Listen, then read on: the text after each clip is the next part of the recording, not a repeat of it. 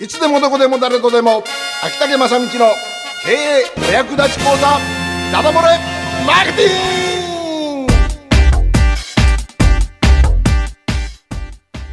さあ時刻の方は6時を回りまして一応もう万博やりますって宣言したコーナーが終わりました。はい。はい。そしてこれからは、うん。ねえー事業者、えー経営者、えー、出張ということで秋竹正道のダダ漏れマーケティングえーっとええ。12回目になりますかね、12回目。あのー今までですねあそうこの13回シリーズではですね、うんうん。えー地元の小さな商店とかね会社とかそ,、ええ。えーそのあたりを対象としまして、えー地域密着型ブランドの作り方ということで、えー話をしてまいりましたで今までお話ししたのは例えばお手紙を書きましょうとかそれから、えー独自の売りを作りましょうとか、えーそういう、えー我が会社の力をつけること。うんうん。店の力をつけること。実はもう過去、えー10回あ11回かな。でお話ししたことを、えーきちんきちんとやっていけばですねあ多分あの売上的にはまた利益的にも増えてくると思います。うんうん。実際あのすること自体はですねそんな多くないんですね、えー大切なのは実際今まで皆さんが、えーやっていろんな会社がやってきている販売促進活動とかそれから改めて、えー経営姿勢と言ったらね人間性を変えなさい みたいなイメージもあるかもしれません。そうではなくて、えー会社としての方向性をしっかり決めましょうってことなんでそれをきちきちっとやっていけばですね、あの会社のあ店の売り上げっていうのは伸びていくところだと思うんですね。で最後に、えーこれからマーケティング3.0おお。ね、って言われる時代の、えーまあ、コトラーという学者さんが、うんうん。えー言ったんですけどマーケティング3.0の時代に向かってぜひ取り組んでおいてもらいたいということとして今日はですね社会的イベントをやりましょうということをお伝えしたいと思います。まあ、社会的事業、えーソーシャルビジネスまではいかなくて、うんうんうんいいと思いますし、まあ、もちろんそれをやってもいいんですけども、えーそんなことにちょっと地域の中においてですね、あのーぜひいろんなイベントをしませんかってことですね。うんうんあのーそれはまちづくりに関してでもいいですしそれから、えー顧客サービスうんうんでもいいんですけどもあのちょっと社会的意義を持ってやりませんかっていうことです。あのそうですね。よく見かけるのではですねあの例えばなんとか新聞で、えーどこどこへのチャリティー募金ああそうですね。を寄付しましたと言って、えーマスコミにのその紙面を飾ることがありますね、うん。えー地域版とかにですね、えー何十万円寄付しましたとかありますね、うんうん。もちろんああいうのも、えーいいですしそれからちょっとしたこう、えー利益金であの車椅子を送りましたとか、えーそういうすごくあの社会的意義のあることだし、えーやるのもいいと思いますしあとですね例えば商店街の中にえいらっしゃるお店であればやはり商店街のお名前を、えー使ってとか借り借りてというか、うんうん。えー商店街活動とかですねそれからあと商業施設うん。の中にいらっしゃる方はですね商業施設の取り組みとしてですね、えー一緒になって、えーぜひあの時間を費やして、うん。またお金も出し多少お金経費がかかってもですね、えーそういうところに、えー活動をされたらいいんじゃないかと思うんです。うん。あのなかなかあのこれからマーケティング3.0の時代といってで大きいのはそれをこう実行していく核になるのは原動力になるのはやっぱりミッションですね。私たちは世の中にこういうことをしたいんだっていうことを訴えたいっていうようなお金と物の交換を通じてですね。商品とかサービスとかを交換を通じて、えーその社会に対する運動というかこういう世の中を実現したいという、えー潜在的な意識を持ってやるのが一番なんですがそれをあのいきなりこう具現化しようと思ってもですね、えーなかなか社会にこう見えるようにするのは難しいというか、うんなかなかしづらいとかありますよね。じゃあ NPO を作るのかとか、えー、いうことになりますが例えば街の中の、えー、掃除をしますとかね、うんうん、もちろん全部の会社がしてくださいというわけないですよ、うんうん、あのわけじゃないけれども何か社会へのお役立ちであったりあるいは商店街のセールであったり、えー、地域のお祭りを、うん、えー、盛り上げたり、うん、あるいはもしかしたら種を作ったりね、うん、えー、そういうことをその会社であったりその社長さんが中心になって取り組んでいく。というのはですねこれはすっごい力になります。うん、うん、であとですね社会的イベントというでもそういうそういうもうかなんか通行なものじゃなくてもですね、えー、例えば、えー、その地域にあるスポーツここ北九州だったらギラバンツがありますね。あそうですね、うん、それからソフトバンクホークスがあるでしょ、うん、えー、この辺はなんていうんですかねあのネーミング名前を使うことが結構制約あったりしますけれども例えばソフトバンクホークスの優勝セールに乗っかる、ね、乗っかるとかね。そうですよね、うん、それからギラバンツの,、その応援のためのこうツアーとかね、うんうん。えー、そういうものをですね、えー、いろいろと仕掛けてまずお客様に喜んでもらうということでいいですのでうんうん、でお客さんに喜んでもらいつつ、えー、いろんな方に、えー、参加していただく。うんうん、でそうしますとえー、これが結構大きなですね、うん、住民地域住民に対してやっぱ非常に目立つことになりますのでだんだんですねそういえば何々さんのところってあのあのスポーツの時になんかこういう協賛してるところですよね、えー、みたいな話が店頭で出たりします、うん、よう頑張りますねみたいなですね。でそういうので、えー、本来うちの商品を買うお客様じゃない方もですねえ興味を持ってくださったりっていうことが生まれてきますので。でそういうことを実はやっていくとですね何が大切かと言いますと今まで収益を上げる方法というのが例えばうちの場合でしたら干物とお金を交換するっていうこのビジネスですね、うん、売上のまあ、まずね原則はそうでしたね、うん、でそこなんですがそれがですねいろんな人と付き合う中でイベントというものをやっていく中で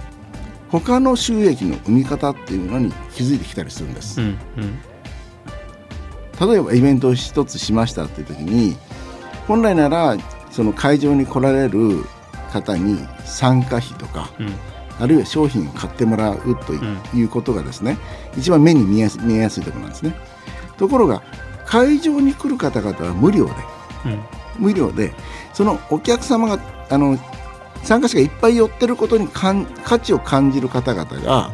えー、協賛金として事務局を支援するとか、うん、会社を支援するとか、うん、そのイベントに対して支援するとか、ねええ、いうことが生まれますよね。そうしますとあ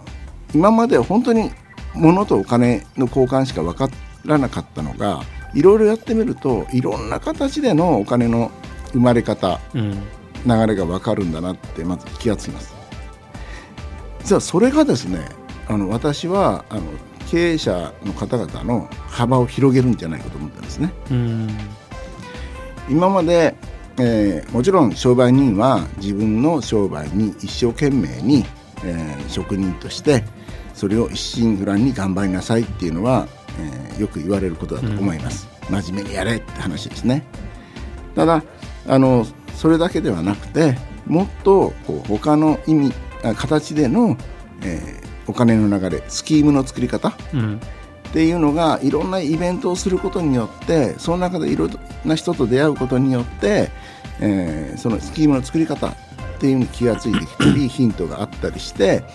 えー、自分の商売がですね、えまたワンランクツーランクあるいは幅が広がってくるということがあると思います。こういう社会的イベントとかっていうのを、えー、やるとそういう付加付加価値的なこともすごくあるんですが、あのー、なんとその中でいろんなつながりがまず大切で商売人同士のつながりももちろんあのお客様にしっかりと、うん、えー、我がブランドを分かってもらうことが大切であるしそんなそれやる中でいろんな商売人の方とつながりが大切でそしてそういうですね、えーある意味シェアが広がってくるとうんうんうん自分のご商売例えば干物屋私干物屋ですね、うん。干物屋が商品を売るだけじゃなくて、えー他の形のお金の、えー流し方例えばこういうことができますね。干物を、えーの作り方という情報。うんうんうん。これを販売するとかね。ああそうですね。ノウハウ的な部分。ノウハウ的な部分で、えこれも商品になりますよね、うん。イベントをする中で、えー例えば、えーお客様に干物の作り方を教えますっていうことで地域住民にその料理の、えー勉強してもらいましょう。うんうといんうことに、ただお客さんっていうかその受講者が来ますね。で材料費いただいて、うん。そこで仮にテキストができます、テキストができ、えーえーそういうセミナーやったとしますね、でそこでそれを録音すればですねもう DVD ができるんですね。うんそれを文字起こしすればですね、そうしたらテキストができるわけです。できますね。え写真撮ればもう立派な本になっちゃうわけです。うん。そしたら自分の地域だけじゃなくて今度日本全国いろんなところで干物の作り方を知りたいという方。うん。そうすると、えーそちらに販売することができる。うん。でこれはもう情報商材となりますよね、うん。だからこの一つのイベントがですね地域の人にも喜んでもらいつつそしてまた、えーそれが自分の新しい商品としての資産になるってことがあります。だからマーケティング3.0っていうのがですね、えーこれが広がっていろんな形での、えー応援者とかえー収益の在り方を、えー考えていかなきゃいけない時期に来ると思いますので、まず、えー我が店の、あの地元での、えー知名度を高めるという意味もあって社会的なイベントあるいはお客お客様向けでいいんですけどお客様向けなイベントをまずしてみてください、必ずそういうイベントは、えー顧客のですねえーお客様の、えー満足度というよりも、うん。あのえっとロイヤリティ顧客サービスっていうかあのカスタマーサービス、うんうん。CS じゃなくて、えー顧客ロイヤリティうん。っていうのを生んできます。それはあのーまあ適切な表現かどうかでお客様が信者化してくるんですね。う、ん大好き。うんうん。ここでないと嫌だ、え信者化してくるえそういうのを生みますしそういう過程の中で自分の新しいこうビジネスの仕組みっていうのを、え作ることに気がついてくるという感じになると思います。うん。で特に今までのご商売が本当にえ成熟衰退期に入っててあるいはそういう業態自体がこれから成り立たか立たなくなっているんじゃないかとうん。思われるような業種にいらっしゃる方、うん。これからどうすればいいかわからない。この商売もうやめようかって言われる方もですね、えーまず社会的なイベントを考えてみて自分のあの形を、えー今の経験を生かせるものを考えられてでそこでもしかしたらこれお金になるかもしれないというのを試してみてですね、えーすそうするとそれが新し新しいビジネスを生む可能性ありますよね。うん。実際、あのーこの番組に出てきていただいたことのある、あのーバットマン高橋、はい。青森、うん。青森ですね、うん。この間お世話になりました。うん。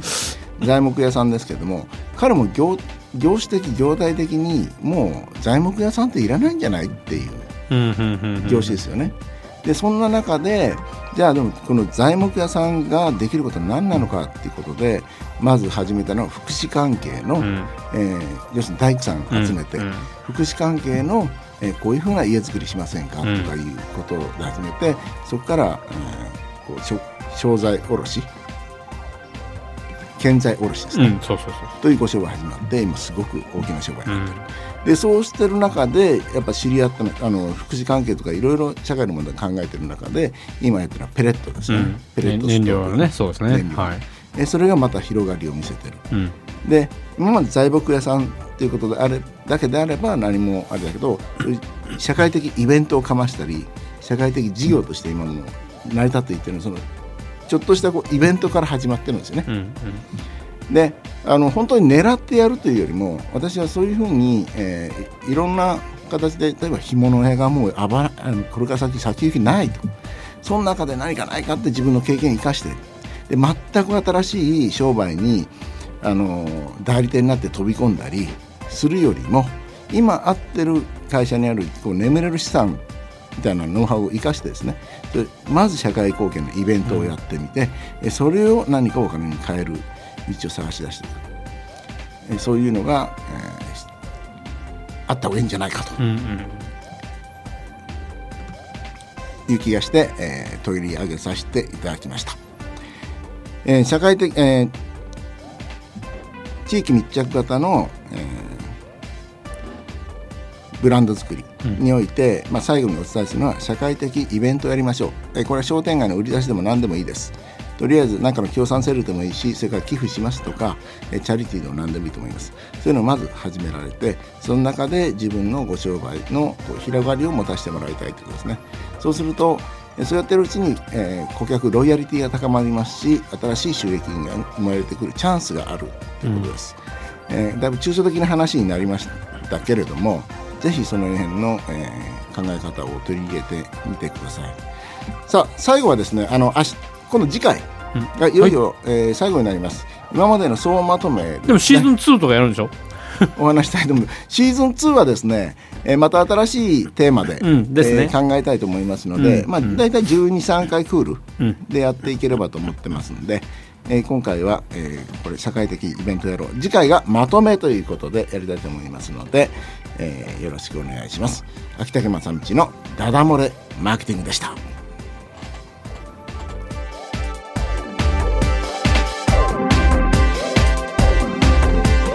では、えー、1曲お届けしまして、えー、いつものコーナー続々という感じになると思います。